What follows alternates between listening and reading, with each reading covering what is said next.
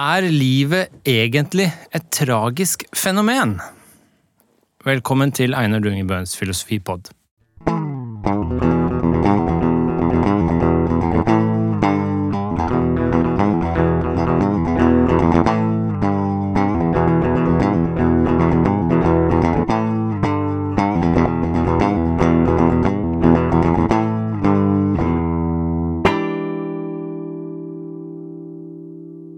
I dag har jeg med meg Dag O. Hessen, professor i biologi. Velkommen. Takk skal du ha. Hva står den O-en for? Ikke noe mer mystisk enn Olav. Olav, det var men, det. eh, Jeg mistenkte Olav bare ned. Det måtte være noe kongelig, tenkte jeg. Nei, det fins et annet Ja, nå tror jeg det er sånn eh, irsk O, apostrof Hessen. Eh, nei, det fins en annen Dag Hessen, så det er for å slippe at han skal belastes med mine synspunkter, så tenkte jeg det var greit å bruke det O-en. Ja, For du er professor i biologi, og så er du litt sånn forkjemper for klodens ve og vel. Ja. Ja. Er det noe mer du vil presentere deg som? Nei, det er vel kanskje det viktigste. Jeg er jo først og fremst forsker, men jeg skriver jo noen bøker i ny og ne, og prøver å være litt aktiv på mange fronter. Og så er jeg jo ja, også en Zapfe-entusiast, som Ja, vi skal jeg komme til. Men... Så jeg har mange interesser, da. Kanskje litt for mange, men uh, sånn er det nå. Jeg liker veldig godt at du skriver både på norsk og engelsk. Ja. Ja, ja da, jeg, altså jeg skriver jo mest på engelsk. Det er jo uh, i Du har skrevet en del norske bøker. Ja da, jeg gjør det. Men altså, de, det jeg mest skriver mest er jo artikler, og det er jo Ja. fagartikler som nødvendigvis er på engelsk i min bransje, da. I dag skal vi snakke om Peter Wessel Zapfes Om det tragiske. Hva er ditt forhold til denne boka? Eh, Jeg har jo lest den, jeg har til og med fra perm til perm. Jeg har til og med skrevet eh, forord til den når den kom på eh, i en egen bokutgivelse for ikke så mange år siden. Det er mange år siden den ble utgitt i første utgave, da. Men ellers har jeg lest masse av Zapfo. Jeg har alltid vært beundrer både av hans kompromissløse holdninger, men også Han er jo en fabelaktig humorist også, selv om det kanskje ikke kommer så godt fram i akkurat denne boka. så er han det i mange andre sammenhenger. Så han var en mann med mange talenter. Fjellklatrer også, selvfølgelig, som også har en appell til, til meg. Han skrev jo noveller, han skrev jo dikt, han skrev jo kronikker, han skrev veldig mye forskjellig. Alt mellom himmel og jord. Teaterstykker har han skrevet. Ja, med dypt alvor det meste, da, men han har jo denne vett og uvett som han bidrar med, og Ja. også om det tragiske, som er jo humor på et uh, fantastisk nivå. Han, uh, så boka er vel fra utgitt under krigen, er det ikke det? Eller Jo. Når var det nøyaktig? Jeg husker ikke. 1940 et eller annet. 47, hvis jeg ikke husker feil. Rett etter. Skrevet litt før og litt under, tror jeg. Ja. Dette er jo, må jo være en av de store norske sånn, filosofiverkene.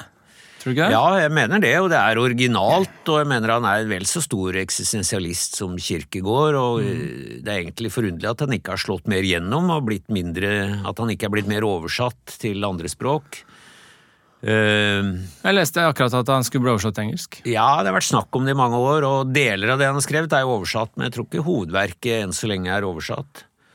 Og kanskje fordi han er for kompromissløs, det er liksom ikke noe håp da i Zapfes univers. Ja, Til tross for dette paradoksale, altså med at han er klatrer og friluftsmann og skriver humoristiske ting, så er han kompromissløs. Ja. Jeg ble litt overraska over hvor eh, Altså, han var ikke så negativ som jeg trodde han skulle være. Altså, Jeg leste denne her kanskje da jeg var student en gang, og så leste jeg den om igjen nå til det her. Eh, Men i den siste Messias, dette essayet han har skrevet tidligere, der er det mye mer pessimistisk. Ja, det er jo forferdelig pessimistisk, så altså, jeg deler jo ikke Zapfes eh, holdning da, at menneskeheten bør dø ut. Tvert imot syns jeg det ville være en katastrofe. Nå hevder han jo ikke det på grunnlag av eh, måten vi plager kloden på. Det er jo hensyn til oss selv da, at vi skal slippe å belaste kommende generasjoner med disse dystre erkjennelsene han hadde. Han kaller seg jo ikke nihilist, men på mange måter er han det. Men, så jeg deler ikke det grunnsynet, men jeg syns likevel det er befriende med noen som kan ha sånn kompromissløse holdninger, og han drøfter jo dette med altså, hva er det vi fyller livene våre med? Men det er jo disse andre aspektene da, som ikke kommer så godt fram i hovedverket hans, nemlig eh, dette livet under åpen himmel og den fantastiske språklige elegansen han har, og som sagt ikke minst humoren. Geir liksom skriver på gammelt, godt eh, riksmål. Ja, eh, ikke sant? Han var dypt konservativ sånn på mange måter, og nekta å endre skriftspråket som han en gang hadde lært, så Altså Eksemplene er jo litt morsomme. Liksom Litt eh, Ja, er jo en konge på metaforer, altså. Ja. Henter ofte metaforer fra dyreriket og Men hva kan, Vi skal jo snakke mye om den boka, men hva er det du eh, tenker er liksom kjernen? Hva, jeg tenker Vi bør si liksom hva slags bok dette er, da. Ja. Eh, før vi begynner å diskutere deler av den. Og sånn som han sier selv, så er det liksom et bidrag til en bedre forståelse av dette begrepet om det tragiske. Mm. Det er det som er hovedanliggende. Så uh, hva, hva tenker du er liksom hovedbidraget her? Hva er liksom the bottom line i boka? Ja, altså han har jo forskjellige måter å belyse hva er tragisk på. og Tragisk, eh, Ting kan først bli tragisk hvis det er eh, uforløst eller tapt storhet av en eller annen form. Eh, Det er vanskelig å få helt grep på dette tragisk-begrepet hans.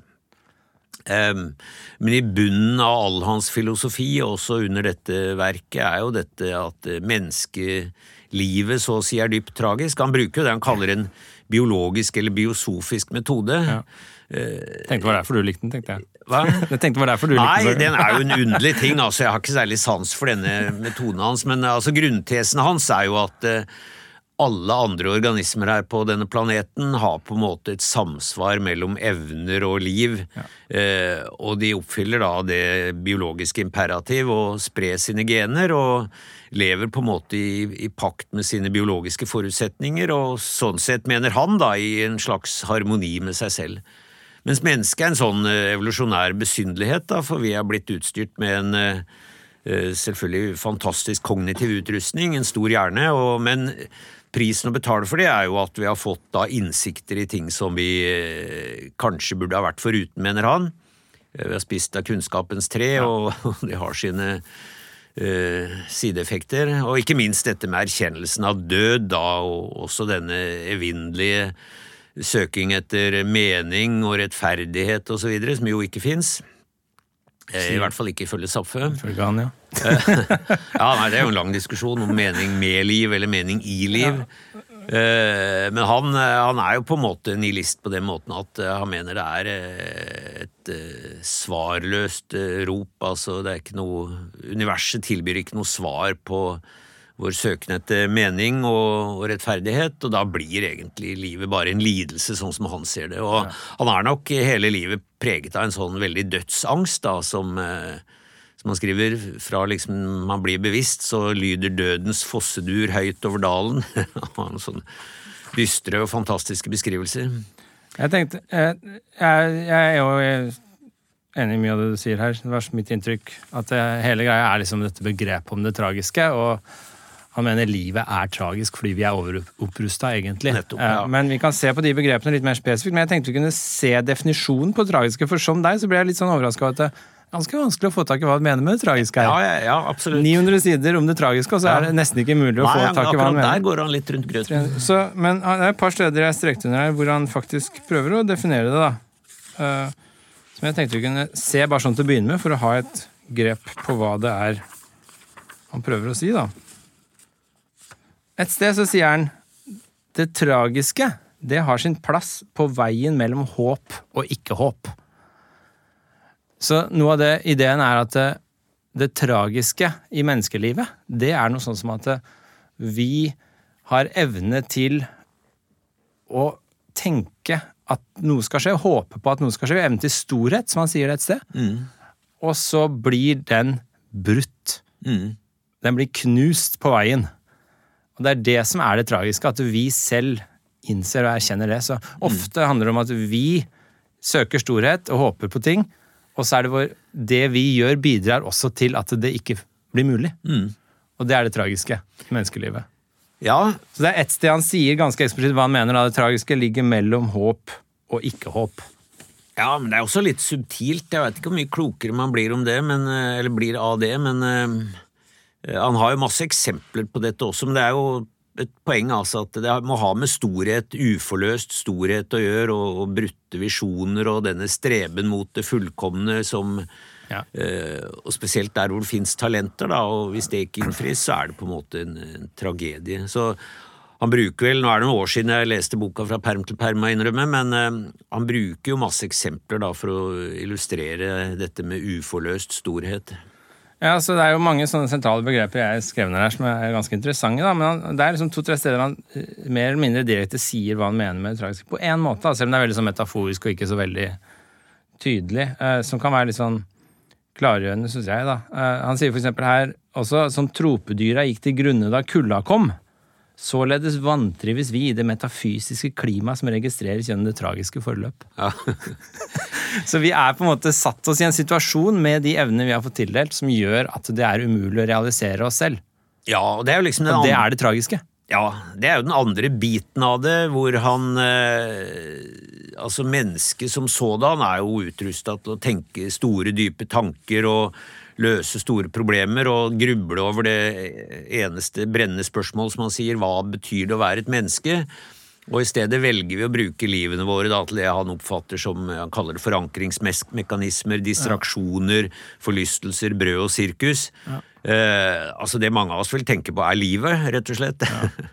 Eh, Men han har ikke så mye til overs for det. Han mener at dette er en, en trivialisering av livet og de mulighetene vi har som enkeltindivider. Så istedenfor å bruke de, så henfaller vi altså til sånne trivialiteter og ja, En underholdning. underholdning, brød og sirkus, kjendiseri, ja. klikktyranni eh, Ja, det var jo før hans tid, da, men men så er jo spørsmålet som jeg alltid har stilt, jo, men altså, hva slags liv vil det være? Å sitte og gruble over det tragiske og disse store uforløste spørsmålene. Altså, vi må jo leve livet, og det er jo mye av det levde livet som han oppfatter da som forankringsmekanismer og for å holde ut livspresset, som han sier. Så vi gjør jo dette også som en form for distraksjon for å slippe å ta disse tunge og dystre erkjennelsene som han har da innover oss. Ja. Så måten vi lever på, er egentlig en måte å unngå det tragiske på. Det Ja, jeg oppfatter på, at det er mye av poenget hans, og en kritikk. Samtidig så har han jo selvinnsikt nok da, til å se at vel hans egen fjellklatring og skriving og er jo på en måte distraksjoner det også, men kanskje på et litt høyere nivå, da. Han tenker godt om seg sjøl, da. Ja. Nei, jeg skal ikke henge meg for opp i det begrepet men altså, det er veldig interessant. Han, han sier også her to steder til. Jeg fant bare fire steder, da, hvor han sier hva det er, liksom, sånn mer eller mindre eksplisitt. Og da sier han det objektivt tragiske, Man skiller også mellom det litterære. Boka handler jo liksom om å beskrive menneskets grunnvilkår, også interessekonfliktene vi står i, også hvordan det tragiske oppstår ut av det, og så litt sånn hvordan det tragiske har vært illustrert i litteraturen. Det er det som strukturen på boka. Og på et tidspunkt så sier han det objektivt tragiske, knappest mulig definert, er således ødeleggelse av den prinsipielle kampmulighet. Ja. Så det er liksom det at det blir den, det vi har lyst til å kjempe ut for, ut og for, det blir ødelagt. Av sin egen natur, nesten. Ja, eller av oss selv, eh, fordi vi trivialiserer ting. Så det er jo eh, Men til å være en bok med, og et tema med tittelen Det tragiske, så er det jo forbausende hvor vanskelig det er å få grep om. Ja, Altså, så, er. Her er siste, da, så skal jeg love jeg gir meg. Jeg ja, nei, det men det er, vi må jo bore litt i det, Ja, det er det som er her er siste forståelsen hans. Er, her sier han det tragiske forløp blir til på den måten at et menneske søker å realisere en representativ livsform med representative midler, og derved oppnår et veto som bryter hans livstro ned. Ja. Så du søker å realisere en livsform, Mm. og ved å gjøre det, så bryter du ned livstroen din. Mm. Så, ikke sant? så sånn jeg ser det, så er det sånn vi, får, vi er utrusta med ganske kompliserte, rasjonelle, kognitive og bevisste evner, og så setter vi oss store drømmer og håp og sånn, og så prøver vi å realisere det. Og i den realiseringen så innser vi også at det er null håp. Mm. Det er ganske deprimerende. Ja, det er, det er veldig deprimerende, fordi alternativet da, til å forlyste seg gjennom livet eller søke de kortsiktige gleder, det er jo å ende opp med de eh, dystre erkjennelsene som han eh, har fått. Så han mener nok at eh, ethvert menneske som setter seg ned og tenker over livsvilkårene, vil lande på den konklusjonen som han gjør. Men det er jo slett ikke gitt. altså For hans eget vedkommende så skyldes nok denne her eh, veldig følelsen, nærværet av død gjennom hele livet, skyldes at han mista søstera si ganske tidlig. Det var en Ja. stor tragedie. Han grubler mye rundt dette. Uh, og ja, han har vel en far som stiller strenge krav til seg selv også, så han føler at han ikke kan innfri de. Han har dårlig syn. Han prøver å kompensere og, klatre i fjellet, da, med sterke briller. og, og han blir jo en bra fjellklatrer, selv om han ikke driver det til det nivået som eh, hans, eh, ja, i hvert fall i perioder, venn Arne Næss gjør.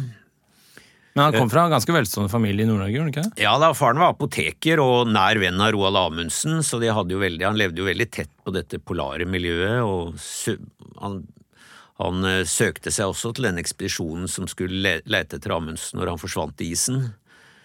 Um, og var med på flere sånne turer i, i Polhavet, så han har en kolossal dragning mot dette Eh, og fjellet likevel, når han setter seg ned og tenker, så lander han liksom alltid på denne tragiske konklusjonen. Mm. Han, jeg leste også at han var timelærer på universitetet, men han ville ikke ha fast jobb. Nei, jeg veit ikke om han ikke ville eller ikke fikk. altså, det er klart, Han var jo en litt sånn, han skrev jo Den logiske sandkasse, altså en sånn uh, lærebok i logikk, uh, men samtidig var det liksom Professoratet var jo besatt av den mye yngre Arne Næss, da. Ja. Eh, Arne Næss leste for øvrig også eh, gjennom eh, utkastet til, til avhandlingen hans, og, og, drev bokholderi på den, som Jens Bjørneboe beskrev. Han mente han luka ut masse av de litterære, flotte vendingene for å få den mer vitenskapelig, ja, ja. så den mer ble mindre lesverdig av den grunn. Nei, Man bruker masse sånn dyremetaforer underveis også, og som eksempel på hvordan vi reduserer vår egen storhet. Ja og dermed reduserer potensialet liksom for å innfri et eller annet av de ypperste målene.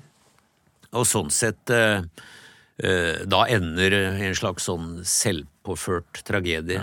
For eksempel. Ja. Han bruker denne kjempe, irske kjempehjorten, som, ja, er hans yndlingsmetafor. Nå er jo paleontologene slett ikke så sikre på om historien er riktig, men eh, den gikk jo ut på at kjempehjorten hadde utviklet så enormt stort gevir at den til slutt bukka under for eh, dette enorme geviret. Det krever så mye mineraler å bygge opp, den skal bygges opp på nytt hvert år. og men eh, dette er jo en sånn eh, seksuell seleksjon runaway. Hundene foretrekker hannene med størst gevir, og dermed blir det en evig kamp om størst gevir, selv om det er dysfunksjonelt. Og til slutt så har hjorten låst seg fast da, og dør ut eh, når klimaendringene blir litt verre, fordi den har denne byrden. Og det, det mener han er liksom at hjorten har realisert sitt innerste vesen ved å få denne enorme, flotte geviret og, og pryden på hodet. Men den kunne da som en analog ha brutt av biter av hornet liksom og levd i et uh, Fjernet sin storhet uh, for å overleve. Men det mener han da ville vært en, en slags form for uh, tragisk forløp for hjorten. Det var bedre da å gå under i Eh, i storhet. Eh, litt underlig metafor, men Men den overførte betydningen er jo da liksom at vi har blitt overutrusta med kognitive evner ja. og bevissthet, ja. som er liksom hornet på hjorten, og så bukker vi under vårt eget eh, utrusta kognitive evne. Vi innser selv at det er meningsløst, det vi driver med. Ja, men samtidig er jo det paradoksale at uh, han vil jo at vi skal bruke denne utrustningen vi har fått da, til å gruble over de store spørsmål, selv om det kanskje ender i nihilisme og depresjon. så så er dette med å unngå å bruke disse kognitive evnene det er jo der eh, den andre tragedien ligger. Så det er liksom to tragedier. Det ene er at vi fra naturens side er ut, overutrusta, som man sier, da, med disse uh, den intelligensen som, uh, som, gir oss disse dystre innsiktene. Samtidig så uh, lar vi være å ta de i bruk, og bruke de til vårt eget beste, eller å skaffe dype innsikter, og i stedet ender vi opp med livet fylt av trivialiteter og Diskutere riktig valg av margarin, som man sier. Jeg likte veldig godt den metaforen med hjorten. Jeg ser bare for meg hjorten med de store hornene. Til slutt er det så tungt at han begynner å henge med huet. Ja. så han henger med huet av sin egen storhet. Ja. Det er veldig, veldig ja, geviret er stort, bilde. men det blir rett og slett for tungt å bære, og så dør den ut. Jo, ja, sånn sett eh, er det jo ja, Veldig bra. Men det er jo noen begreper som på en måte klargjør, som jeg likte ganske godt som sånn forklaringsmodell, da, som man begynner med. Eh, og dette er jo det, noe av det du har vært inne på, dette med at vi er overutrustet og underutrustet. No, at disse begrepene om å være underutrustet og være overutrustet. Uh, og hva han legger i det, liksom. Altså det at noen har evner som fungerer mye bedre enn det de er tjent med. Mm. Enn det de egentlig skal gjøre, da. Mens mm. andre har evner som ikke fungerer bra nok til mm. det de er. Og det er overutrustning, underutrustning i naturen, da. Mm. For boka begynner veldig med sånn å beskrive på en måte dyretilstander Eh, for eksempel dette med at hvis du setter en eh, Jeg var i Dyreparken forrige helg, skjønner du, i Kristiansand, og da tenkte ja. jeg på det her, for han nevner dette med dyr i bur. Så hvis du setter en løve i bur, for eksempel, så kan den løven da gå og hente maten sin hver dag, som han får tildelt. Men da har han jo mye større evner enn det han får brukt. Mm. Så han får ikke forløst disse store jaktevnene sine mm. i det buret. Eh, og da er han på en måte totalt overutrusta til sin situasjon ved å sitte i det buret. Eh, og da får en ikke forløsning på det. Eh, mens eh, hvis du f.eks. satte en fugl som trenger varmt klima i et kaldthet, liksom, så ville den vært underutrusta for sine omgivelser. ikke sant? Altså, Da ville den ikke takla det den Da ville den ikke hatt evne som trengs, da. Og dette er vel begrepet, er det ikke det? Sånn, eller hvordan tenkte du? Jo, altså jeg har ikke festet meg så mye ved underutrustningen, for det er vel særlig dette med overutrustning han er Ja, For du dør jo ut når du blir underutrusta. Ja, det gjør jo det, men det er jo derfor evolusjonen liksom sikrer at eh, eh, enhver art har en funksjonsdyktighet ved at det tilpasses det miljøet. Så han bruker mye evolusjon uten at han egentlig, tror jeg, forstår evolusjon noe særlig. Han, eh, han er jo litt sånn Han vil ikke delta i håndgemenget på Darwins grav, som han sier et sted. Så han, han tar liksom ikke helt stilling til om Darwin hadde rett i evolusjons... Men er det egentlig viktig? Jeg tenkte litt på det også. Altså, Nei da, det det er er egentlig ikke viktig for det han skal, ikke sant? for han Nei driver da. med et filosofisk prosjekt. Så han, hvis han hadde gått inn i detaljer, Ja. da hadde han egentlig kanskje på sikt ødelagt for seg selv, for de kan plutselig forandre seg, han vet ikke nok, det blir bare tull. Ja. Mens når han holder seg på det nivået han gjør, så er det en forklaringsmodell som på en måte er ganske nøytral i forhold til de biologiske detaljene du eventuelt måtte finne ut senere, ikke sant? Ja da, nei, jeg er enig i det, og det fungerer greit så lenge han bruker da dyreriket mest som metaforer på tilpassethet eh, eller ikke. Og selv om den hjorten ikke stemmer paleontologisk, så er det liksom Nei, nei, det er jeg helt enig i. Det det er jo en metafor, så det er jo en trivialitet. Han beskriver også et tenkt tilfelle av katter, ikke sant. Hvis innerste edle realisering av sitt vesen er å drive jakt, ja. så er de satt i land på en øy hvor det er lite jaktbart vilt. Alternativet er liksom å fornedre sitt egentlige katteinstinkt og sitt egentlige jaktinstinkt. Og begynne å spise uh, muslinger som ligger i mudderet der, som det er en, en evig nok eh, kilde til mat. Eh, så han, eh, han mener jo at kattene da, på samme måte som hvis hjorten skulle brekke av sitt horn eller sitt gevir, så ville det ha forrådt sitt egentlige jeg. Så de kattene som eh, oppgir å leve som rovdyr og jakte, og i stedet legger seg til i mudderet for å slurpe muslinger bare for å overleve, de har på en måte forrådt sitt egentlige jeg. Og det er litt de metaforene han bruker på mennesket også, at vi fyller livene våre ved trivialiteter, og, og tilsvarende løven, da, som ufrivillig er blitt plassert i et bur, så plasserer vi oss selv frivillig i bur, og søker da det kortsiktige og det makelige og underholdningen og brød og sirkus. Han snakker om det å leve et verdig liv. Jeg tror det er i forbindelse med katten at han sier at eh, katten skal leve, må få leve det er også, hvis, du har liksom, hvis du er utrustet på en måte som passer til ditt miljø, sånn at det er en helhet og det er passende, det er ikke tragisk overutrusta, det er ikke liksom tragisk underutrusta, eller det blir kanskje ikke tragisk, men det er ikke Mm. Hvis det er perfekt harmoni, liksom, Ja. da lever du et verdig liv som det du er. Nettopp. Ja. Og det er jo veldig gammel tankegang i filosofien. Det er jo aristotelisk tankegang. ja da, det er jo At det. det du er, skal liksom oppfylle den funksjonen du er definert som, og da, er du liksom, da blomstrer du som det. Da lever du det beste liv. Ja da, det blir jo en slags sånn eh, Så det er en gammel Platons aristotelisk søken tankegang. etter det perfekte arketypen også, så eh, Ja, nei, altså han Og han mener jo at dyr stort sett lever sånn, da. Så disse tilfellene eh, som han bruker som metaforer, er jo tenkte tilfeller. Ja. Sett nå at uh, kjempehjorten hadde gjort det, hvilket den da ikke gjorde, og så døde den i stedet ut med flagget til topps uh, i sin storhet.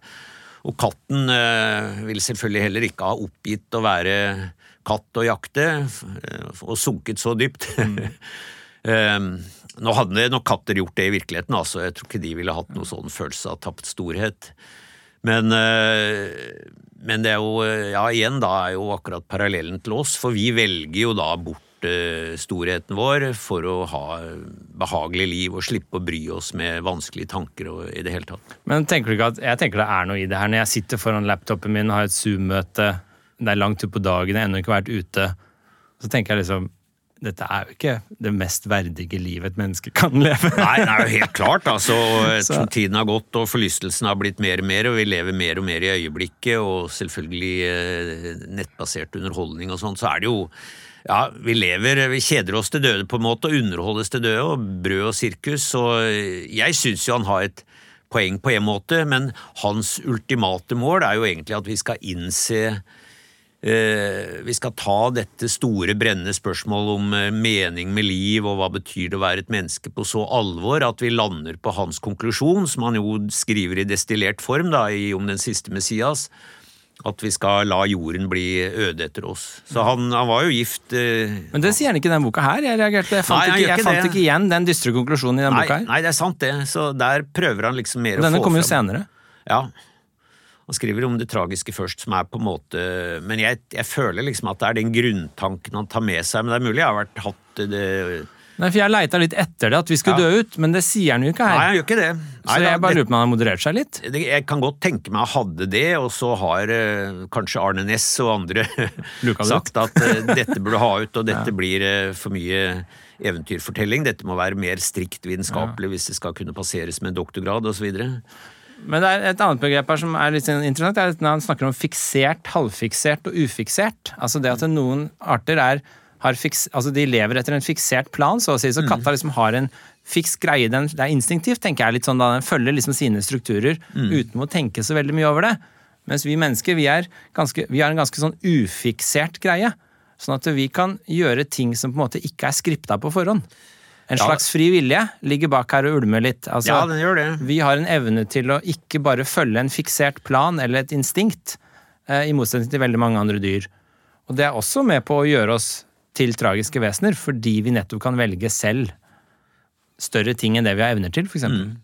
Tenkte jeg, da. Ja, eller mindre ting enn vi har evner til. Ja. Nei, han starter jo med dette med at vi har en hånd, ikke sant, som er egentlig sånn uh, multiverktøy, som Mm. kan brukes til hva som helst. Fra å klatre i trærne til å skrelle frukt, til å slåss, til å skrive, til å taste på tastatur. Eh, Så det gjør oss eh, til ufikserte, og selvfølgelig er vi jo eh, Ja, vi har våre instinkter, men vi har også den evnen til å overstyre primærfølelsen, og vi har også for så vidt gjennom etiske prinsipper at vi kan overstyre førsteordens impulser ved å tenke at nei, er dette riktig, er det galt, er det bra for meg, er det bra for andre? Så, og det er, det er jo helt objektivt riktig at mennesket har denne særegne evnen til å øh, stå i valgsituasjoner og også tenke og Ja, om vi har en fri vilje, det er jo en lang diskusjon i seg selv, men vi har i hvert fall en, en vilje, selv om den også hos oss springer ut av følelsene våre. Han sier at mennesket er fiksert i sin ufiksert som art. Ja, Så vi er liksom fiksert som art ved at vi har denne ufikserten, i motsetning til veldig mange andre ja alle andre dyrearter vi vet om. Det er klart, dyr er jo eh, ikke så sjablongmessig utstyrt som man kanskje før tenkte, og særlig høyere primater og andre høyere pattedyr har jo kognitive evner som helt klart eh, er mye mer raffinert enn vi trodde for noen år siden. Mm. Eh, Men at mennesket er i en særstilling, selv om vi deler 98% av genene med sjimpansene, er jo allikevel helt åpenbart. Altså. Det, Hva tenker du som biolog om det? At vi er så spesielle? Ja, jeg, jeg altså, kjenner det- mange i religionsfilosofimiljøet som ser noe veldig mystisk med det. Ja, jeg gjør jo ikke det, da. Um, Men um, eh, det er klart det er en eh, særegenhet som Og det har helt klart vært en sterk seleksjon for kognitive evner hos mennesket. Og evnen til langtidsplanlegging, eh, som også har gitt oss evnen til å tenke i fortid. Eh, Lengte tilbake, sånne underlige egenskaper som nostalgi, sentimentalitet. Eh, men også evnen til å planlegge, selv om vi åpenbart ikke er så flinke til det som vi skulle ønske, i hvert fall sett ut fra klimasituasjonen og annet. Så har vi jo en del evner som, så vidt vi vet, ingen andre organismer har, og også denne erkjennelsen av egen død og dette ønsket om å utrette store ting, kanskje nettopp for å ha noe som skal leve etter oss, er jo eh, åpenbart unikt for mennesker. Men er det Finner du det mystisk, eller finner du bare sånn dette er interessant, dette skal vi Nei, jeg, det, jeg, jeg tror det er litt sånn et eh, på en måte et sidespor. altså Det kognitive har vært gunstig hos oss uh, av mange grunner. Også antagelig har det vært en, en seksuelt fortrinn. Kvinner har foretrukket uh, smarte menn med glimt i øyet, og vice versa. Så det har vært en seksuell seleksjon for eh, store hjerner som har gitt den raske evolusjonen av hjernen, og så har dette ene ført det andre med seg. Eh, Og på kjøpet har vi jo fått da disse innsiktene. Det tror jeg for så vidt han har rett i, at det er jo ikke noe sånn adaptivt eh, å erkjenne sin egen død. Bortsett fra at man da kanskje blir mer opptatt av å utrette noe mens man fortsatt er i live. Så ja, det er noe mystisk med det, men ikke i metafysisk forstand eller guddommelig. Men, men litt Jeg bare pusher deg. Ja. hva? Men jeg, jeg tror der er, der er jo Zapfe inne på et, et riktig spor, at vi eh, ja, evolusjonen kanskje har skutt over målet, da, men samtidig bruker vi jo denne erkjennelsen av vår egen forgjengelighet også til konstruktive ting. Så det er jo ikke bare dysfunksjonelt sånn som det er hos han. For det er et par ting som på en måte jeg Jeg, jeg, er jo filosof og jobber med metafysikk som liksom en av hovedområdene. Så det er et Ja. par ting jeg la veldig merke til i boka som jeg synes var litt interessant. da. Og Det er jo hans forståelse av metafysikk, f.eks. Altså, han, snakker, han har jo denne veldig sånn naturalistiske, beskrivende forståelsen av det han ser rundt seg. Veldig sånn beskriver sånn, Prøver å gi modeller for å forklare disse interessene vi jobber med. Han snakker om liksom biologiske interesser, sosiale interesser, det er metafysiske interesser. Det er forskjellige grader av interesser vi har. da. Og med metafysikk så ser det ut som han mener noe sånn som en større plan. Så når han snakker om metafysikk, så mener han liksom at det er en større plan bak alt. Og det er det ikke, ifølge han. Det mangler. Så det er på en måte bare de strukturene som er biologiske, sosiale eh, spesielt, og så er det det metafysiske strukturen. De på en måte er noe Det er det han kaller surrogatløsninger. Det er noe vi skulle ønske var der, skulle håpe var der, for å fylle vår overutrustning med noe mening. Men så er det ingenting. Det er tomt. Så det er litt sånn som å stå og rope ut i mørket, og så er det ingen som hører på deg. Sånn tenker jeg, ser han på metafysikk. Så han egentlig identifiserer han metafysikk med en meningsfull overordna plan. Og så sier han det er jo ingen meningsfull overordna plan. Derfor så er egentlig metafysikk bare en, en fiksjon. Det er en slags surrogatløsning, som han sier, i stedet for en realløsning på et problem. Ja, det er jo et synspunkt jeg deler. Men samtidig er jo Zapfe underlig. Han, er jo ikke, han kaller seg ikke ateist, men antiteist. Så han er jo eh, Han bruker jo mye tid i mange andre sammenhenger på å argumentere eh, til dels med raseri mot en gud som han ikke tror eksisterer. Det er jo også, også en litt sånn eh, paradoksal situasjon. Akkurat som han på en måte bruker sitt eget liv til å argumentere for det meningsløse, og finne mening i det, på et eller annet underlig vis. Så, eh, så argumenterer han eh, sterkt mot eh, en gud, og han bruker jo særlig denne kirkebrannen i Grue da, som et sånt eksempel hvor en, forferdelig hendelse hvor Grue kirke brant med ned. Mange mennesker brant inne under gudstjenesten, inkludert barn. Og så kommer presten etterpå og skal si at dette er en del av Guds ukjente frelsesplan, og vi må ikke stille spørsmål ved sånt, og så videre.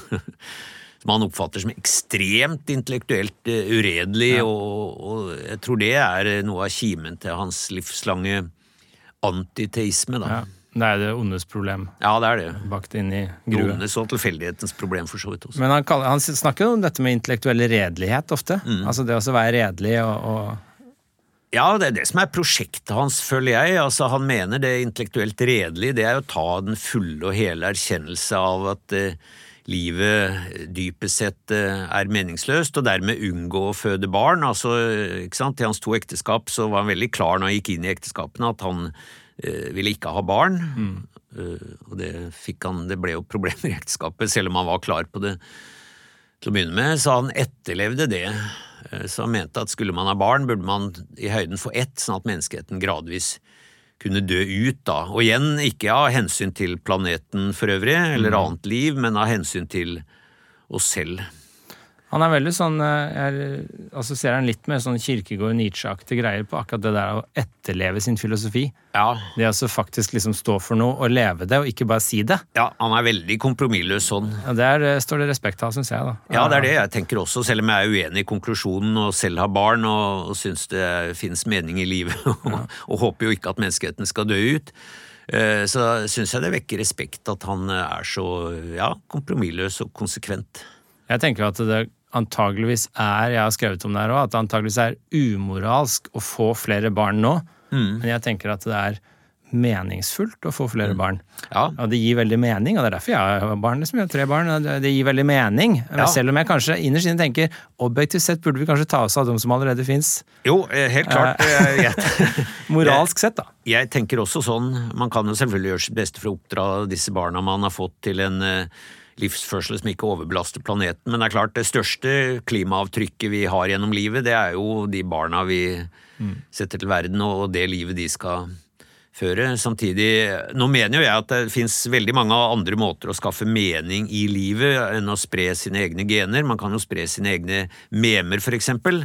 Hvis du gjør noe godt her i verden og bidrar til at verden, eh, verdens skjeve gang rettes opp et hakk, så er jo det nok et større bidrag i løpet av et liv, og mer meningsfylt enn det å få barn. Men, Men det å få barn er jo veldig sånn eh, Ja, for det første er det jo dypt grunnleggende. Det mest grunnleggende biologiske instinktet vi har.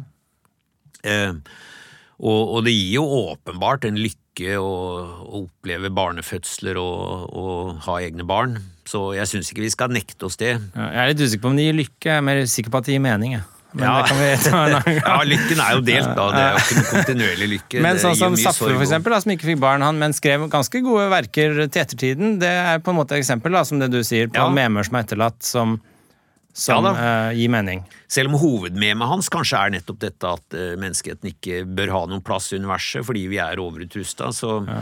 så er det jo uh, altså de bøkene hans, Vett og uvett og Barske gleder og i og for seg, var jo også en en kompromissløs naturverner. Han skriver jo noen av de første virkelig krasse verkene om overgrep i naturen, eh, nedbygging av fjellheimen, hvordan mm. veiene brøyter seg gjennom landskapet.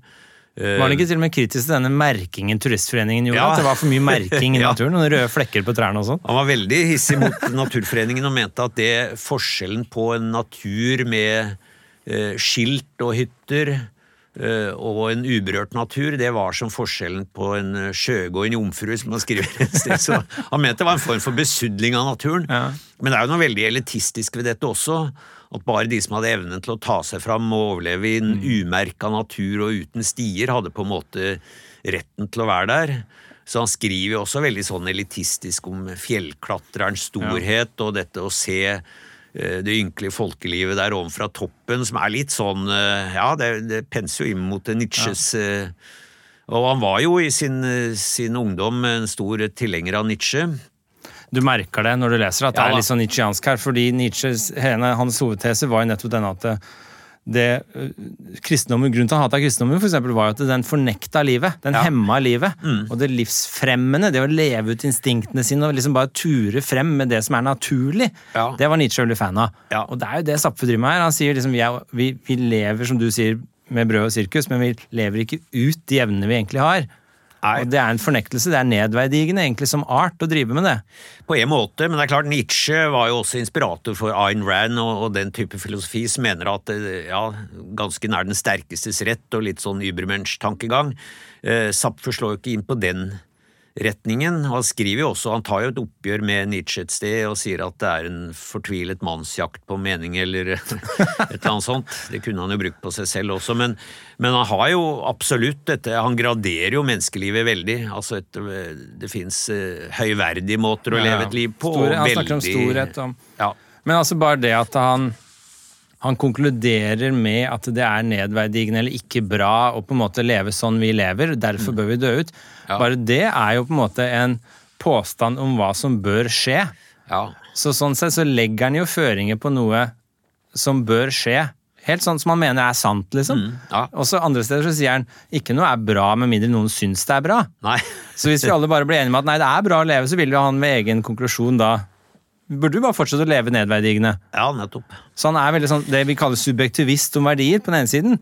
Samtidig som han hevder at det er noe som er bedre enn noe annet. Helt klart. Og Det er jo en konflikt som på en måte står Han møter seg i døra noen ganger. Altså. Også dette ved at som jeg sa, altså, han argumenterer for det meningsløse, og at alt egentlig bare er sublimasjoner og forankringsmekanismer for å holde ut livspresset. og Samtidig så er det jo det han driver med selv. Mm. Eh, det er han jo klar over da han ironiserer litt over seg selv et par steder. men eh, Eh, men det er klart, jeg tenker at mye av det han ser på som litt sånn jo, det er klart, han, han, vil nok si at å gå i teater og høre på eller overvære et Shakespeare-stykke eller hva det måtte være, det er høyverdig istedenfor å gå på en litt luguber varieté, som det var snakk om i hans, hans tid, eller ja, å lese hvorfor, høyverdig litteratur. Hvorfor er det det egentlig for han?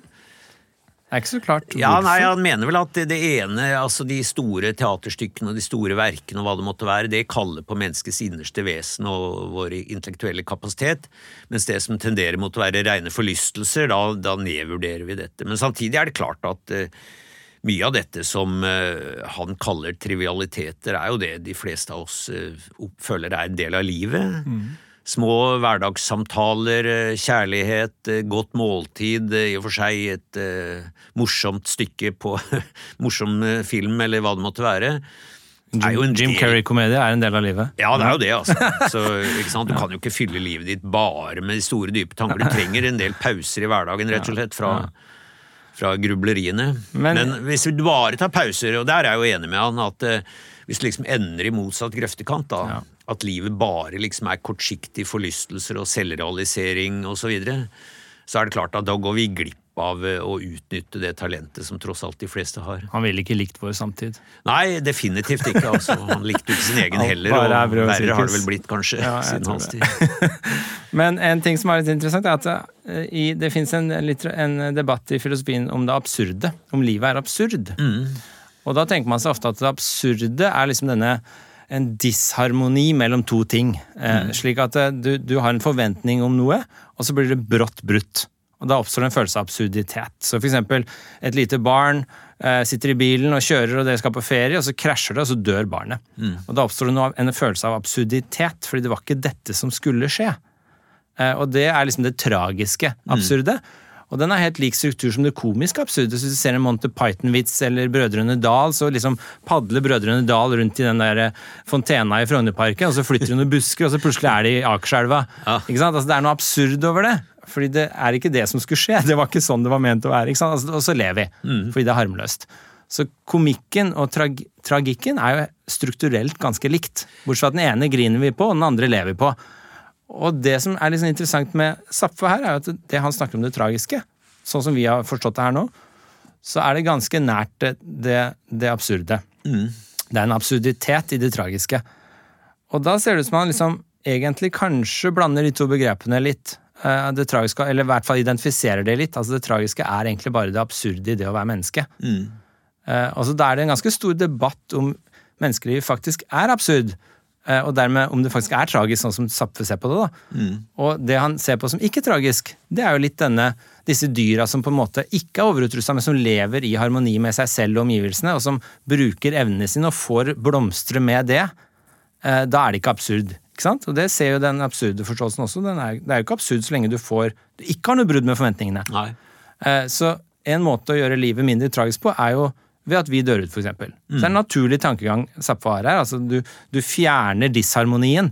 Det er flere måter å gjøre det på. ikke sant? Det ene er å gjøre oss mindre utrusta. Mer som dyra. Det andre er bare å fjerne oss, f.eks. Men det må være en disharmoni der. En krasj. For at det skal være tragisk eller absurd. Ja, du kan jo også oppnå det ved å senke forventningene, da, Ja. eller målene dine med livet. Hvis du legger lista lavt nok, Ja, Men er ikke da brød og sirkus egentlig mindre absurd? Jo, jo, og mindre helt- tragisk? Absolutt. Helt klart. Så burde han ikke heller argumentere for at vi burde bare sitte og se Netflix og spise godteri, liksom? Ja, men det er jo da han mener at vi gjør som katten som spiser muslinger, eller Ja, men Hvis vi blir vant til det over tid, vi, vi mister evnen til å tenke sjøl, Ja, vi men bare da- blir ja. som katten. Det er klart, hvis målet bare er overlevelse, eat, survive and reproduce, som det heter, eh, men da har vi på en måte forrådt det egentlig menneskelige. Så, men det er jo litt av paradokset, akkurat dette. At han mener at det er på en måte tragisk at vi har fått denne overutrustningen. Det er den store menneskelige tragedie at vi får disse forferdelige innsiktene som vi hadde klart oss bedre uten. Samtidig så ønsker jo at han at vi skal bruke disse og dyrke de, og mener at vi forrår på en måte de eh, åndelige gavene vi har fått, eh, selv om de har en bitter bismak, hvis vi bare henfaller til Netflix og kortsiktig Men det, som er, det jeg ikke helt forstår, er liksom at det er jo egentlig ingen bakenforliggende plan eller fakta for hva vi burde gjøre, ifølge Zapfe. Nei. Og da, kan, da virker det veldig rart å si at vi får råd At vi, vi liksom sviker oss selv, for det er jo ikke noe vi egentlig burde Det er jo ikke noe skript her. Vi er ufiksert. Uskripta. Ja. Så vi kan gjøre akkurat hva vi vil. Det er en slags radikal frihet i det å mangle en metafysisk bakenforliggende plan. Ja, Og hvis, da kan vi gjøre hva vi vil. Så da kan vi bare bli som Netflix-slaver, da. Absolutt, så, men samtidig så kan vi, må jo vi står fritt til å pålegge oss selv forventninger og forpliktelser, og det er jo et eller annet, tror jeg, med at hvis du ser tilbake på livet, så vil du nok føle at det har vært mer meningsfullt hvis du har brukt det til noe, og kanskje også brukt det til noe som er bra for etterslekten eller for andre, eh, enn om du bare liksom har latt dagene gå i, i kortvarig forlystelse. Jeg tror nok det er et meningsbehov der som bare hos også oss ikke-troende, som bare kan fylles ved at du gjør noe mer enn å se på eh, Netflix. Men det jeg tenker, at, det jeg tenker er at da må det jo være noen normative fakta. Det må være noe som sier at dette er bra. Ja, men de har vi jo pålagt eh, oss selv, og det, det tror jeg dels er eh, evolusjonært orientert. Altså Mennesket er jo et sosialt dyr, eh, og det kan vi bare være hvis vi har noen iboende føringer av hva er bra for fellesskapet, hva bør jeg gjøre, ikke sant. De fleste får eh, dårlig samvittighet hvis man sviker andre. Eh, Det behøver ikke å være kulturelt eh, påført, det kan være en norm som kommer fra dypt i oss, fordi å svikte fellesskapet er dårlig for fellesskapet, og dermed også dårlig for oss selv. Darwin skriver veldig innsiktsfullt eh, om dette, faktisk. At det har vært en del av menneskets suksesshistorie. Sånn at empati er en naturlig trekk hos mennesket. Så hvis vi får forrår andre, eller gjør ting som er uheldig for fellesskapet, eller påfører andre smerte, så vil de fleste normale mennesker få dårlig samvittighet, og det er jo en del av den iboende normen som vi har. Og så forsterker vi jo dette, vi kan forsterke det gjennom eh, de ti bud, eller vi kan forsterke det gjennom andre skriftlige eller uskrevne normer og regler. Hos oss har jo, i moderne samfunn, har jo jussen kommet på toppen av dette. Og det gjør da at vi har en del sånne forventninger til hva vi kan og bør gjøre, og hva vi ikke kan eh, og bør gjøre. Og jeg tenker at noe av det som kanskje for de fleste skaper mening, det er at vi utvikler oss, vi får nye innsikter, det er det som er det appellerende med forskning og tenkning. At man kan få nye innsikter, og livet er liksom ikke bare en repetisjon av det hva de foregående generasjonene har gjort, men at man kan være med å bringe verden et skritt videre. Det er, det, det er min teori og mening om livet. da. Ja, det vet jeg, og den deler jeg helt og fullt. Det er jo altså uten en form for retning. Hvis alt bare er snakk om overlevelse og gjentagelse, så er det vanskelig å se Da blir det noe. Sisyfus arbeid. Ja, ja.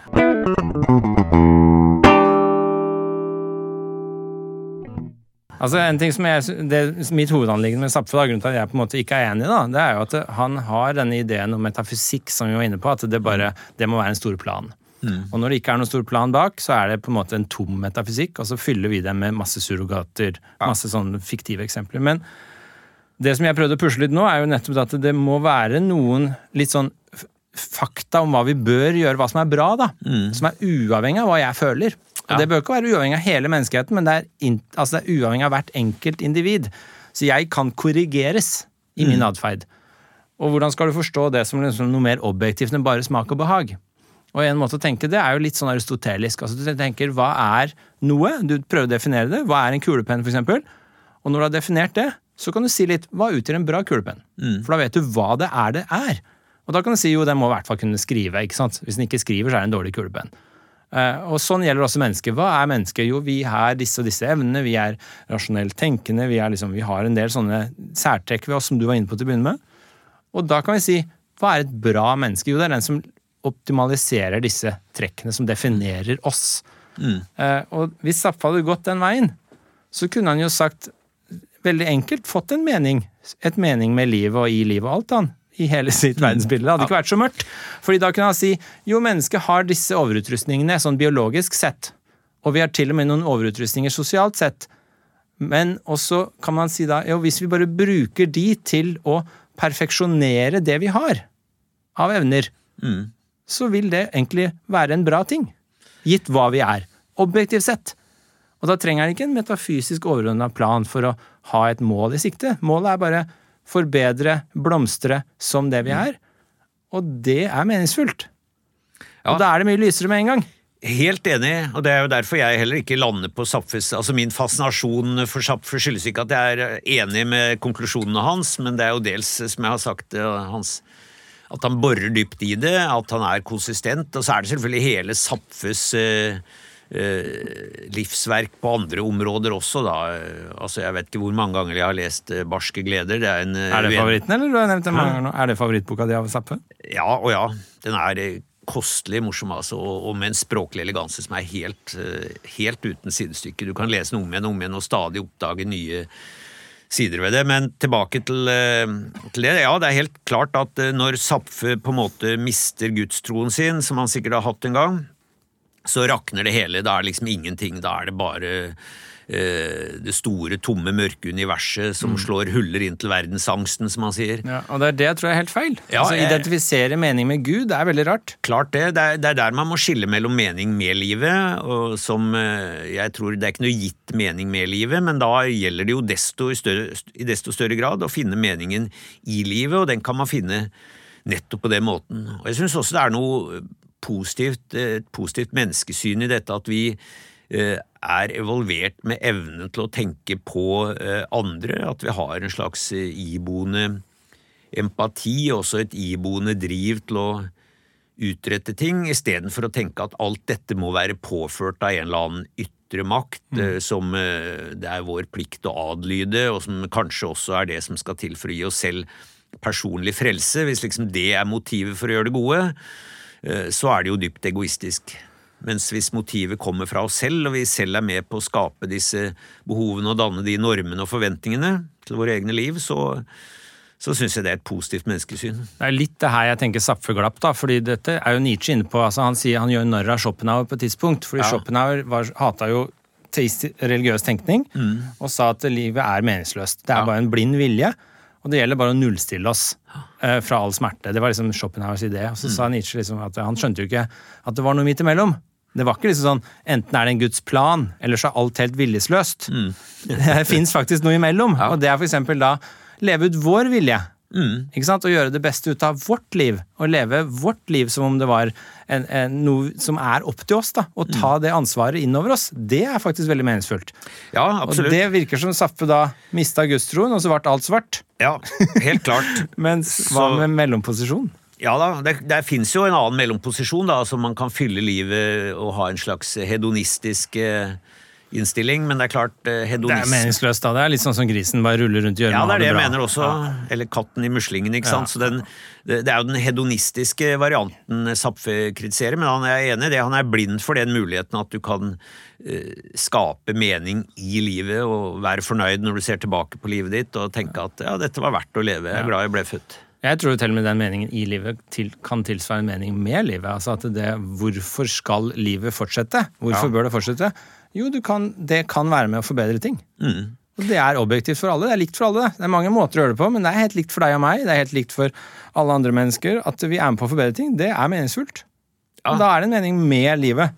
Ikke bare i mitt. Det er ikke bare noe jeg opplever, men det er faktisk sant. Ja, og man er også ledd i noe større, for man er med på å utvikle menneskelivet. Og det er klart, eh, selv om eh, vi nå ser utviklingens bakside, så eh, har jo det aller meste av eh, menneskelig utviklingen medført bedre liv og noe godt osv. Det er bare det at nå nå har på en måte den materialistiske biten av det nådd over optimumspunktet sitt. Eh, Men vi har jo evnen til å korrigere det også, ikke bare evnen, men vi er, nødt til å gjøre det. Men eh, det er jo nettopp denne evnen til å forbedre og tenke nytt, skjønne ting, eh, forstå dypere sannheter, oppdage universet, ja, alt fra cellekjernen til universet, you name it, som er det store meningsbærende prosjektet, og som også gjør det dypt tragisk hvis menneskeheten skulle forsvinne, det mener jeg virk, virkelig vil være det tragiske. Så jeg, jeg, tenker at uh, Har du sett den nye filmen som har fått så mye omtale nå, som heter uh, Don't Look Up? Ja? Ja. Har du sett den? ja. Den er liksom, enten har folk hylla han som en sånn komediegeni, eller så har folk hylla han som en triviell, Ja. dum film. Eller dissa han som det. Men der er det én setning som DiCaprio sier til slutt, når de sitter ved bordet til slutt der, og jorda er i ferd med å gå under. Mm. Så sier han liksom The thing is, we sort of had it all, didn't we? Ja. Og så slutter det. og det er ganske sånn fin setning, syns jeg. da, Den var veldig sånn bra plassert. fordi liksom, han så tilbake, nå var alt i ferd med å gå inn, og så var det sånn Vi hadde egentlig alt vi trengte Ja. til å lykkes, ja. og så fucka vi opp. Og det er liksom det tragiske her. Ikke Ja. sant? Altså, Fucka det opp på grunn av uh, griskhet hos ja, eh, altså De evnene vi hadde, gjorde at vi ødela for oss selv. Mm. De samme evnene som gjorde at vi hadde alt håp, blokkerte det. Og det er akkurat det Zapfe sier. Ja da, jeg synes... Altså, det er den vetoen mellom håp og ikke-håp som er det tragiske. Det der at det brytes tvert av. Jeg tenkte faktisk på den filmen jeg, når vi begynte å snakke her i dag, at den har noen føringer der og noen paralleller, og øh, peker øh, jo nettopp på dette muligheten til å avverge det katastrofale også, som øh, går fortapt fordi man er opptatt av ja, det kortsiktige og neste valg kjendiseri Det er kun på- brød og sirkus. Det er brød og sirkus som overstyrer det hele, og trangen til å være populær og alt dette. Og til slutt, da, når virkelig du kan stirre opp og se sannheten i hvitøyet, så, så blir mantraet 'stirr ned'. Ja. Så eh, ja, jeg syns eh, Jeg syns det var en eh, kostelig metafor. For den var jo veldig overdrevet. Men jeg tror Jo, det var ment men, som det, liksom. Altså, for det, var, det må parodieres, så absolutt absurd som ting virker. Ja. Det, det var jo en ironi og med komiske innslag, men samtidig med et dypt alvor og raseri eh, lurende bak, så ja, ja, jeg eh, Jeg vil gi den et høyt terningkast. Hvilket terningkast vil du gi? Høyt, eller? ja, fem, seks. ja.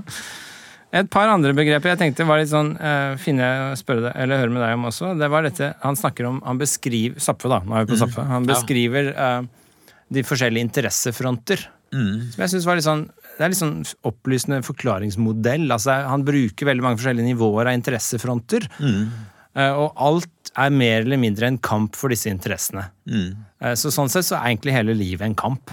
Eh, og disse interessefrontene er først og fremst da biologisk. altså det er sånn Du vil ha mat og drikke. Du har interesse av å liksom formere deg.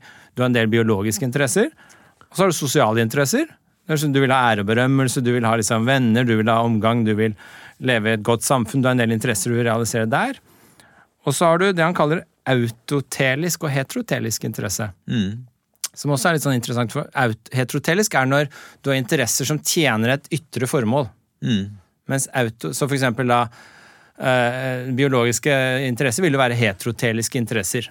Uh, og så har du autoteliske interesser som bare er du gjør noe for dets egen skyld. Så du, du går på sirkus for å ha det gøy. Det er en autotelisk interesse. For det er ikke noe som tjener et ytre formål annet enn bare å ha det gøy. Uh, Det er en autotelisk interesse. Og den, også til slutt så har du metafysiske interesser. Mennesket har metafysiske interesser. Det er å lage å føle seg som en del av en større plan. Det er denne meningssøken som man ikke ser at kan realiseres. Eh, Og disse er forskjellige interessenivåer, sånn han ser det. Og alt handler om en kamp om det her. Eh, Og jeg tenkte litt sånn, som biolog, ser du disse andre interessene som noe annet enn biologiske interesser, eller reduserer du alltid biologiske interesser her? Jeg vil tenke liksom sånn, en sånn veldig sånn biologisk forståelse er liksom sånn, ja nei, sosiale interesser er jo også bare en kamp om å formere genene, liksom. Jo, En reduktiv holdning. Ja. Eller ser du noe mer her? Mye av det sosiale er jo selvfølgelig koker jo ned til det, og veldig mye av vår gjøren og laden dreier seg om posisjonering, som selvfølgelig igjen kan eh, ha sammenheng med attraktivitet og hierarki og alt dette. Så jeg tror nok mer av det kulturelle har en biologisk eh, forankring enn vi ofte tenker. Så jeg lager denne podkasten her egentlig bare for å bli populær og spre genene mine? Nei.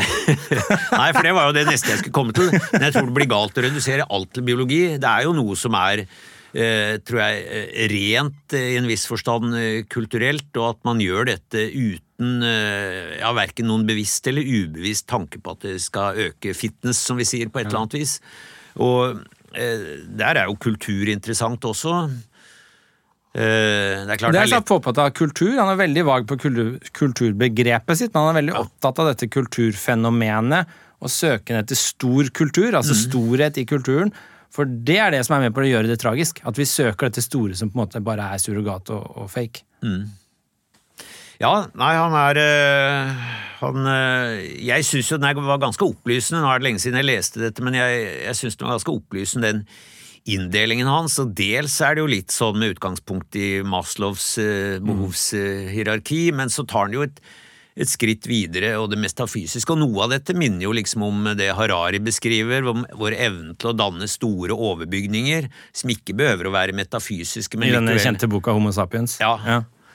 eller sapiens, heter den bare, men altså denne, denne evnen til å forestille oss at vi tilhører store, til dels abstrakte fellesskap, som firma representert ved et logo, nasjonen representert ved et flagg, eh, stadig større fellesskap. Eh, som er på en måte en sånn eh, heterotelisk i sin ytterste instans, uten at den er eh, metafysisk forankra. Men jeg, jeg syns jo den inndelingen hans absolutt har noe for seg. Sånn som når jeg sitter og jobber med metafysikk da, og prøver å forstå liksom meninga med liv og hva verden egentlig består av, og sånn, så er jo det til dels autotelisk. Altså, jeg gjør det jo til dels for dets egen skyld. Altså, jeg syns det bare er genuint interessant å prøve å forstå om vi kan ha en mening med livet, f.eks. Uh, og da er det jo ikke heterotelisk, det er bare ren autotelisk. Altså det er, det er bare for dets egen skyld. Og da er liksom, Et interessant spørsmål er liksom, hva slags rolle tjener det egentlig? Sånn biologisk sett? Eh, nei, men det er jo litt som jeg tenker, altså jeg forsker jo på eh, klimasystemer og karbonsyklus, og gjør jo det fordi jeg er grunnleggende interessert i å finne ut hvordan disse tingene henger sammen, men selvfølgelig nå har det jo en åpenbar funksjon også fordi det kan hjelpe oss å forstå klimatilbakekoblinger, vippepunkter og den type skumle, skumle, ting, og selvfølgelig gjør at det kan puttes rett inn i klimamodeller også, som er det ultimate hensikten med mye av det vi, vi driver med, som jeg tenker er mer sånn heterotelisk. Mens for meg gir det jo en personlig glede å studere dette, og kanskje til og med få ut en publikasjon på dette mm. som kan eh, bringe verden en ny innsikt. Eh, så, men i forlengelsen av det ligger jo noe, sånn som jeg oppfatter da, heterotelisk, at dette kan brukes av andre, det kan være nyttig, det kan være bra for, for uh, menneskeheten til og med. På en god dag, kan jeg tenke det. Mm. Jeg syns det er liksom bastant i Zapfe at denne metafysiske planen er tom. Det er det mm. som irriterer meg. Jeg mener ja. ikke at jeg har ikke noen sånn plan å gi deg som jeg mener er riktig. Jeg tror ikke på Gud, for eksempel. Det er ikke det. Det er mer det at han bare har antatt at det er helt mørkt. Altså, mm. det er ingen det er ikke noe poeng med noe som helst utover bare liksom de biologiske interessene, egentlig, til syvende og sist. Nei, jeg tror det er derfor han på en måte, altså at han ender opp som antiteist. Det er nok på en måte også fordi han føler seg svikta Gud. Jeg tror den kirkebrannen i Grue er nok kanskje selvfølgelig en forsterkelse av den følelsen hans, men Eh, når han erkjenner, eh, eller i hvert fall føler at det ikke fins noen gud og ytre makt, så føler han seg så forrådt, for da er det jo bare i hans verden da et, et stort mørke uh, der ute. Og, og, det gir han en slags sånn bitterhet, tror jeg. Ja, Men strengt tatt, da, det logiske hoppet han gjør, da, fra liksom at 'jeg erkjenner ingenting der ute, derfor er det ingenting der ute', er jo mm. ugyldig. Ja, ja, og, og han, han, ekstrapolerer jo sin egen oppfatning av dette til å være allmenngyldig, ja. og at det er sånn det egentlig er. Ja. og at alle som eh, bedriver livet på andre vis, eller faktisk finner en mening, de har bare ikke forstått det helt. Ja. Og igjen er vel dette kanskje litt av den eh, elitistiske holdningen hans, at det fins noen få utvalgte som virkelig har forstått dette og konsekvensen, ta konsekvensen av det, mens eh, den gemene hop kravler rundt der nede i gjørma. Ja. Tenkte jeg, tenkte jeg skulle gi deg et sitat her som vi kunne se på, som er litt sånn Jeg tenkte på når jeg Når, vi, når jeg inviterte deg. Eh, fordi han snakker jo om forbruk. Mm. Og det har jo du vært litt opptatt av. Mm. Han snakker om forbruk, og som er litt interessant, så sier han for her at han kritiserer jo sin samtid og overforbruk og liksom at vi bare lar brød og sirkus, som du har sagt. da. Eh, og så sier han her hjelpemidlene tar overhånd. Det er ikke lenger behovet som skriker etter et hjelpemiddel, men middelet som skriker etter et behov. Ja. så det er snudd på huet, ikke sant? Mm. Tilbudet er blitt større enn etterspørselen. Nøden er ikke lenger på konsumenternes, men på produsentenes side. Mm. Så vi skaper Han har en reklame i parentes her, da, i hermetegn. altså han mener at samfunnet på en måte skaper disse behovene, og så blir det, blir det, produsentene som på en måte blir desperate etter å gi oss flere behov, mens vi egentlig ikke trenger det. Mm. Ja, det deler jeg jo fullt helt. Eh, sammen med Thomas Hylland Eriksen skrev jeg jo til og med en hel bok om dette. om... Eh, på stedet løp. Altså hvordan eh, samfunnet i betydelig grad er innretta mot at eh, Det er klart en del produkter svarer jo til et behov og dekker et behov, og, men veldig mye er jo egentlig noe som skal skape et behov, etter hvert som vi har eh, alt vi trenger, og så fylles livene våre av ting vi for kort tid siden ikke visste at vi trengte. Plutselig blir det uunnværlig. Noe kan være en fordel, noe er begge deler. Thomas diskuterer jo selv ja, smarttelefonen. Ja pluss eller minus, men i hvert fall invaderes jo livene våre ikke bare av produkter som vi ikke visste at vi trengte, og antagelig ikke trenger heller, men stadig en fornyelse av dette. Og det er jo sånn hele næringslivet må fungere, ja, ja. at du må være litt smartere enn konkurrentene. Du må tilby et nytt produkt med nye muligheter som det egentlig ikke er noe behov for, men som likevel straks skaper et behov. Morsomste eksempelet på det er jo nettopp eh, det at smarttelefonene kom, skapte masse apper, og så ble folk avhengige, og så skapte de en ny app som skulle begrense app-bruken din. Ja. da føler du at det er absurd, ikke sant? Ja, det er mange meta, metanivåer i dette, men det er klart det er jo dypt problematisk også, for det har jo generert, som allerede Zapfe er inne på den gangen, så har det jo eh, generert et eh, overkonsum og et forbruk som ikke bare genererer CO2, men også ødelegger natur og forsøpler. og eh, Så ting som begynner som noe bra, der tar på en måte markedet overhånd. Uh, og det er jo ikke bare det at vi skal ha nye ting, men vi skal skifte det ut stadig oftere ja. også. Så du bytter ikke ut mobilen din fordi den er utslitt, men fordi det er kommet en ny, kulere modell, og som du også har råd til å kjøpe, da. Ja. Så det er jo det som dikterer om du kjøper en ny, og om du har råd til det. Og selvfølgelig er det status knytta ja. til det også. Han sier det her, midlene er i ferd med å bli mål. Ja, jo, men det tror jeg han har helt rett i. Og, og dette var i 1946? Ja, det har jo bare, bare blitt mer av det den veien. Så igjen, da, da han her er også en veldig relevant greie. Altså, I bygda hvor jeg vokste opp, så driver de og lager ny E16 nå. Ja. De skal, de planlegger da, hvor den skal gå, og skjære gjennom bygda. ikke sant? Ja. Her sier han veier bygges for å skape trafikk. Ja. Ikke sant? Fordi, og det er mange, Mye av begrunnelsen bak disse nye motorveiene er jo nettopp vi må øke tilgangen til arbeidsplasser, til altså mm. ska, skape mer trafikk. Mange oppfinnelser blir til for å dekke oppfinnerens behov for evneutfoldelse. Mm. Ja.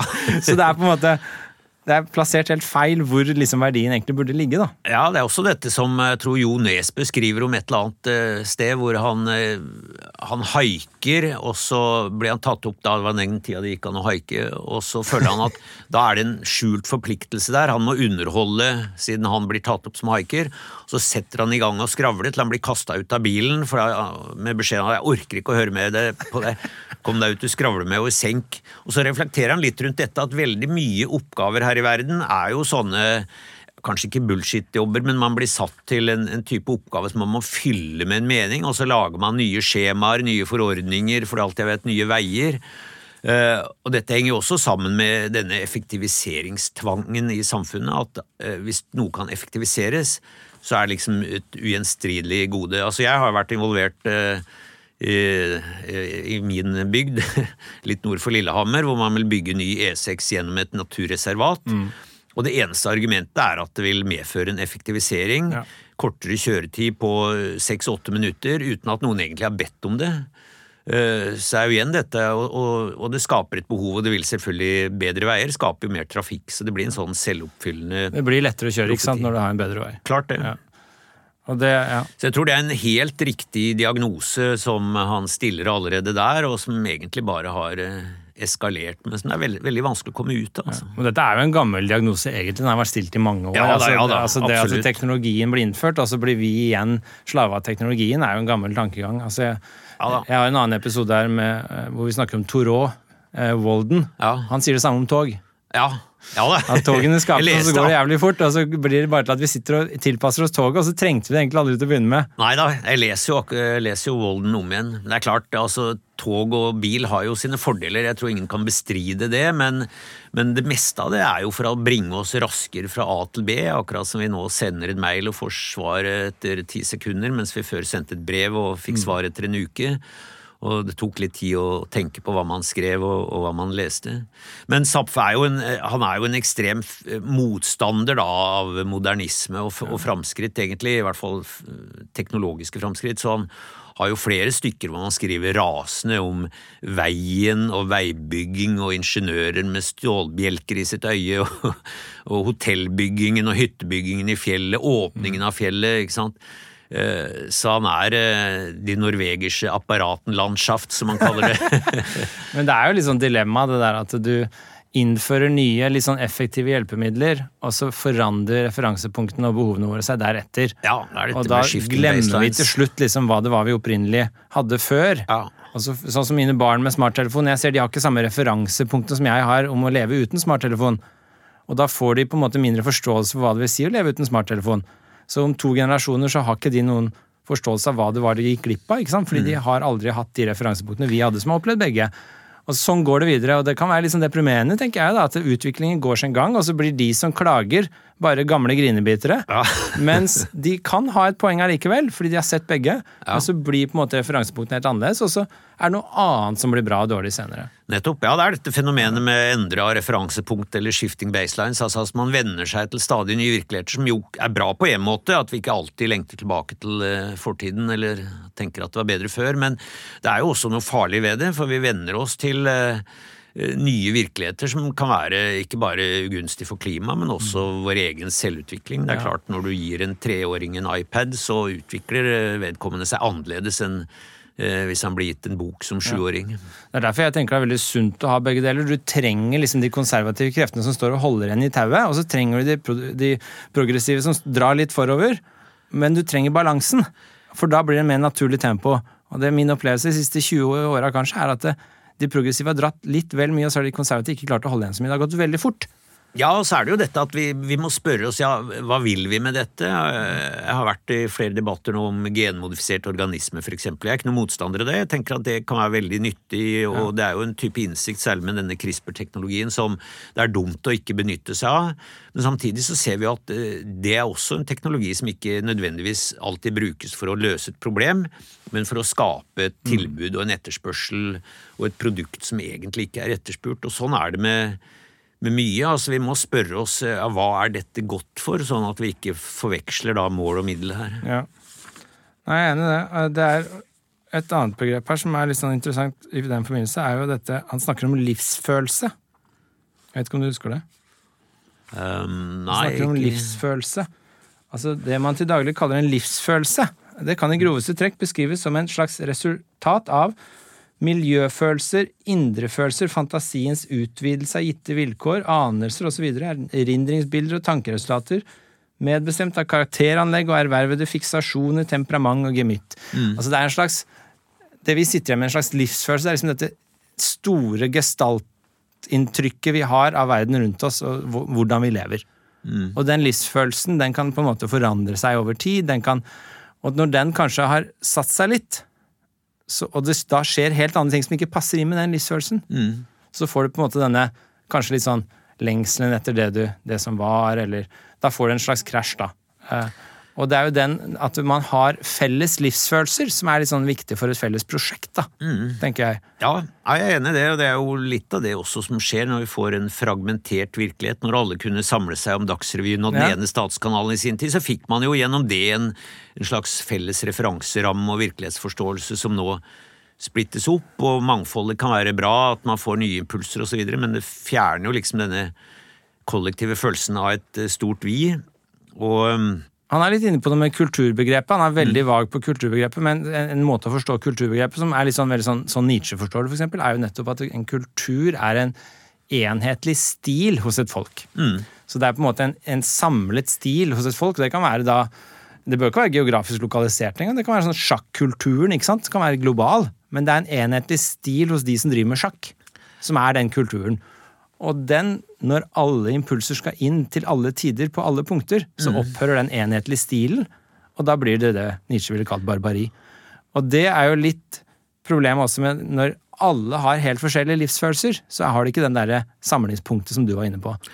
Nei, men vi har jo referanserammer på ulike nivå. ikke sant? Aller innerst har man kanskje familien, eh, og så ja. har man et medlemskap av eh, ja, sjakkforeningen eller idrettslag eller filateliklubben eller mm. hva det måtte være.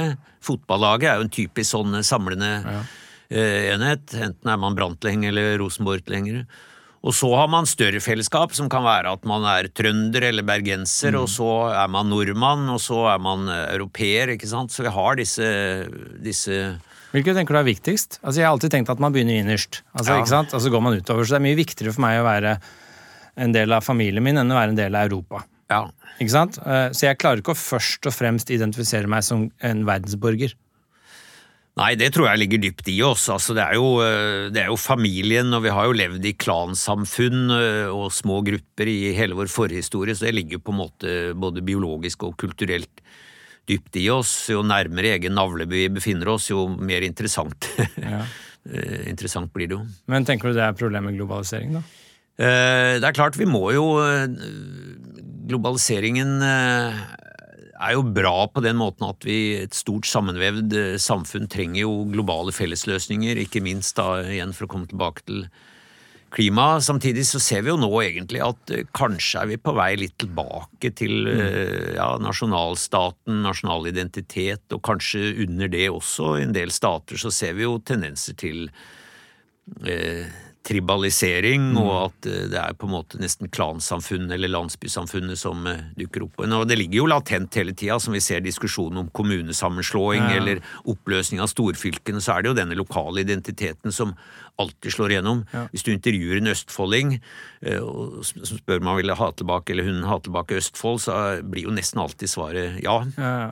Samme skjedde jo Viken. Jeg vokste opp i Nes på Romerike i Akershus. Ja. Det er jo blitt Viken, Ja. Akershus. Og det er jo langt opp på Hardangervidda, ikke sant? Ja, det var jo en underlig konstellasjon i utgangspunktet. For det første var det ikke der Viken var i, i opprinnelig, i middelalderen, men det er jo også veldig rart at liksom det sitter da fylkespolitikere oppe i Valdres og skal Eller hvor Viken går, og så skal samarbeide med folk på Østlandet, liksom. Ja, Det er jeg helt enig i. at I utgangspunktet var det jo en underlig og naturstridig konstruksjon, men når du spør folk, så vil de nesten alltid ha en, en forankring som ligger ganske lokalt. Det Men jeg tror det er ganske menneskelig, da, at du liksom har veldig den derre du er fra et sted, du trenger det for å identifisere deg, for å finne et selv. Og den kontrasten altså Jeg tror ikke det er noe sånn veldig sånn ekskluderende over det, men vi trenger å ekskludere noe for å finne oss selv. Helt klart. Eh, Og hvis, vi, hvis alt da skal likestilles, bli likt og åpnes opp, og ingen skal prioriteres, du ikke skal prioritere noe, så blir det helt umulig å finne et selv. Ja, det nytter ikke det, og ethvert vi krever jo på en måte de, altså selv om man behøver ikke være fiendtlig innstilt til Nei, nei. de, så er det bare den erkjennelsen at det fins eh, noe utenfor dette vi, ellers er det jo ikke noe vi, da er jo eh, alt bare en Og det er litt, jeg er enig med deg at jeg ser litt sånn trend i tiden, liksom sånn, bare sånne enkle ting som sånn kortreist mat og lokal patriotisme, og det, liksom, det blomstrer litt igjen. Ja Det er litt sånn back, backfiring, den hele Ja. globaliseringen, eh, lite grann. Og så gjelder det å finne den gode balansen, for du vil ikke gå ekstremt i noen retning, ikke sant? Nei, nei da. Det er um, Men uh, det er helt klart at uh, det Jo tettere på selv, uh, jo viktigere føles det. Og, og sånn er det. Det er naturlig. Jeg tror ikke det er noe å skamme seg over heller, altså. Har du, vi begynner å nærme slutten her, men har du håp for eh, fremtiden, eller? Ja, det er jo alltid et spørsmål. Er du optimist eller pessimist? Eh, Jeg er jo ikke pessimist på den måten som Zapfe var. Han betegner jo seg selv som Han bruker ikke ordet nihilist om seg selv, men, eh, men pessimist. Men det er jo mer sånn pessimist på de menneskelige vilkår. Eh, Jeg mener jo oppriktig at eh, verden går ikke under, og heller ikke menneskeheten. Det er liksom grunnpilaren for meg. Jeg hadde ikke orka å stått opp om morgenen hvis jeg hadde trodd at verden gikk under eller menneskeheten skulle dø ut. Eh, Så jeg tror jo at vi vil fortsette, at det vil bli en flaskehals eh, som kan være ganske ubehagelig. Men så tror jeg vi vil komme til kanskje en nyere, nyere hverdag som og den skal jo inneholde Det er jo viktig, altså. Den visjonen vi har om framtiden skal ikke være at vi skal tilbake til en fortid hvor vi sitter og fryser i tolv grader og spiser kald havregrøt og litt sånn som eh, kanskje Arne Næss levde på Tvergastein. Eh, vi må jo tenke oss at teknologien skal være med oss videre, og det skal være noe nytt og spennende, men at eh, det må være en, en tilværelse hvor vi har skrudd ned den tredemølla vi løper på i livet med noen knepp. Og kanskje også en mindre materiell fokus og mer åndelig. Så eh, jeg har jo et håp om at vi eh, kanskje skal ha en mindre materielt hedonistisk tilværelse, og kanskje romme litt mer av de, de store visjonære tankene og ønskene med livet. Jeg tenker alltid at det er eh, viktig at vi liksom får instrumentene og midlene og teknologien til å tjene oss, og ikke omvendt. Nettopp. Jeg liksom føler hele tiden at til slutt så står jeg og tjener teknologien og midlene som er skapt uten at jeg har bedt om det.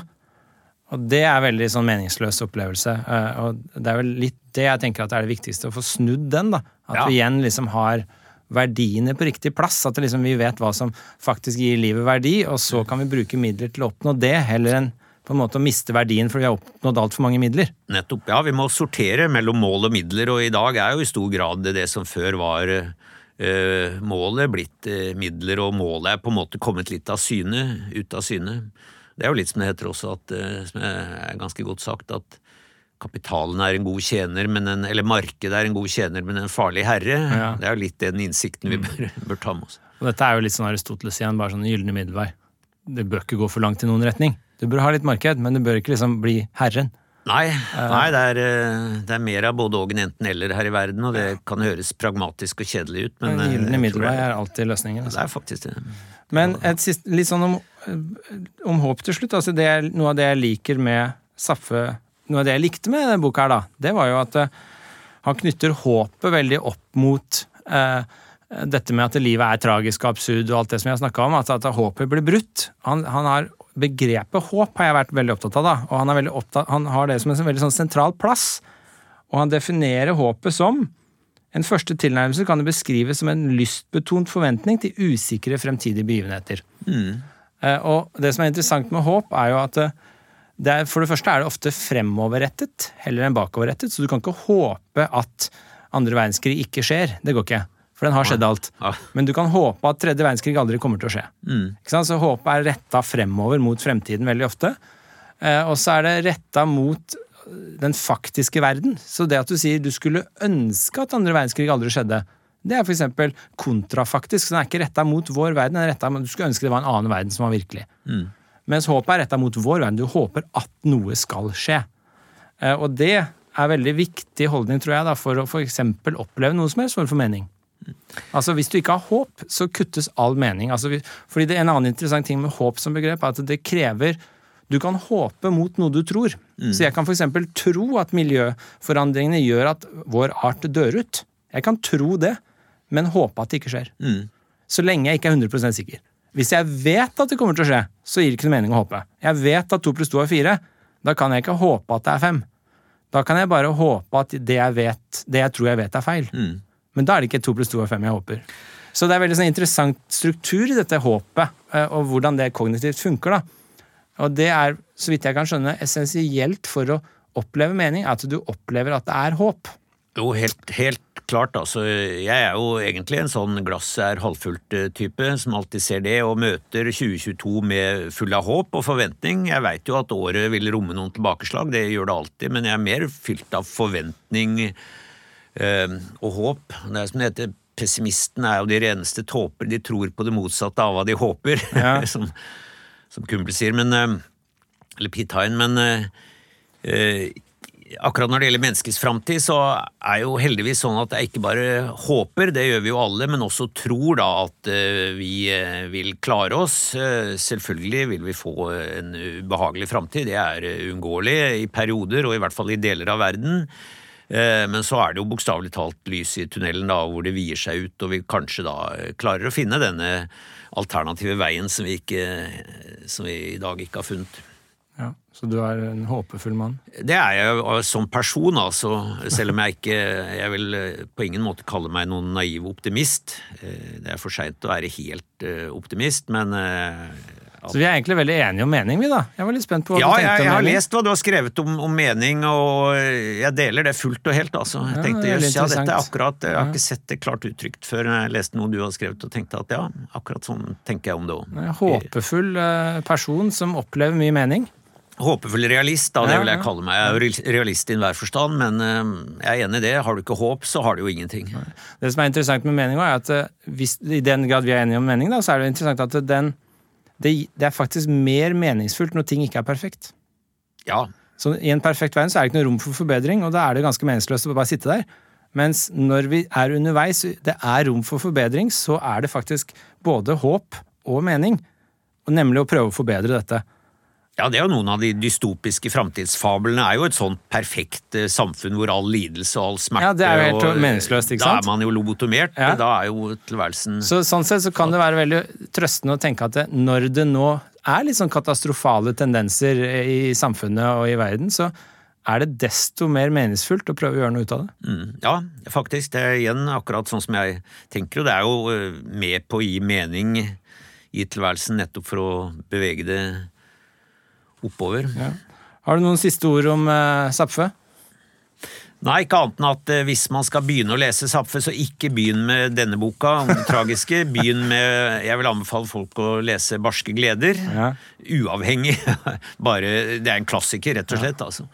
Uh, og så kan man lese, hvis man vil bevege seg litt mer inn i kjernen av, av Zapfe, så kan man jo lese uh, Den siste Messias, som jo er en kort, lite essay, da. Mm. Dystert, men, men, eh, veldig klart. Det er i den boka som heter Kulturelt nødverg? Ja, det er det. Ja. Samla der. Så, Pax har jo utgitt samlede verker. Saffe samlede verker fins på Pax forlag. Ja, det er masse der å lese, men start med Barske gleder. Selv om den er litt sånn på sida av filosofien hans, så er det alltid verdt å lese. Han har også en bok som heter 'Hvorfor jeg er så flink'. Ja, han har det. Ja da, Og så har han jo den der eh, Vett og uvett, ikke sant, som Ja. også er full av kostelige historier. Og igjen, ikke sant, Nietzsche har et kapittel i Ekke Homo som heter 'Hvorfor jeg skriver så gode bøker'. Ja, Jo, men det er klart, han var, han var inspirert av Nietzsche, selv om han skilte Lagmann han et stykke ut i livet. Ok. Nei, men eh, det, det var det. Veldig hyggelig å ha deg her. Flott. Ja, god, eh, godt å få og Morsomt og hyggelig og interessant å få snakke om Saffe på, på i det nivået her. Ja, nei, men Veldig bra. Vi snakkes igjen, vi. Det gjør vi. Takk for det. Selv takk.